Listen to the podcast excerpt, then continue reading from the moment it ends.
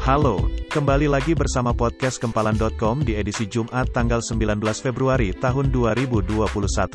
Ketua Umum Dewan Pimpinan Nasional, Depan, Sahabat Polisi Indonesia, Fonda Tangguh mengucapkan selamat atas dipilihnya Komjen Pol Agus Andrianto sebagai Kepala Bareskrim Polri.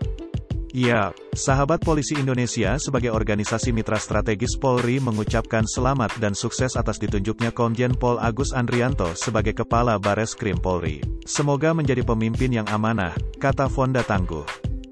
Dikatakan Fonda, Komjen Pol Agus Andrianto adalah sosok yang sangat tepat dan layak bertugas sebagai Kabares Krim Polri. Ini karena kata Fonda, Komjen Pol Agus memiliki pengalaman di bidang reserse, Karirnya dimulai ketika beliau menerima tugas di wilayah hukum Polda Sumut, katanya. Fonda berharap, dengan ditunjuknya Komjen Pol Agus sebagai kabar eskrim membawa harapan baru, terobosan serta inovasi baru di dunia reserse dan kriminal Polri.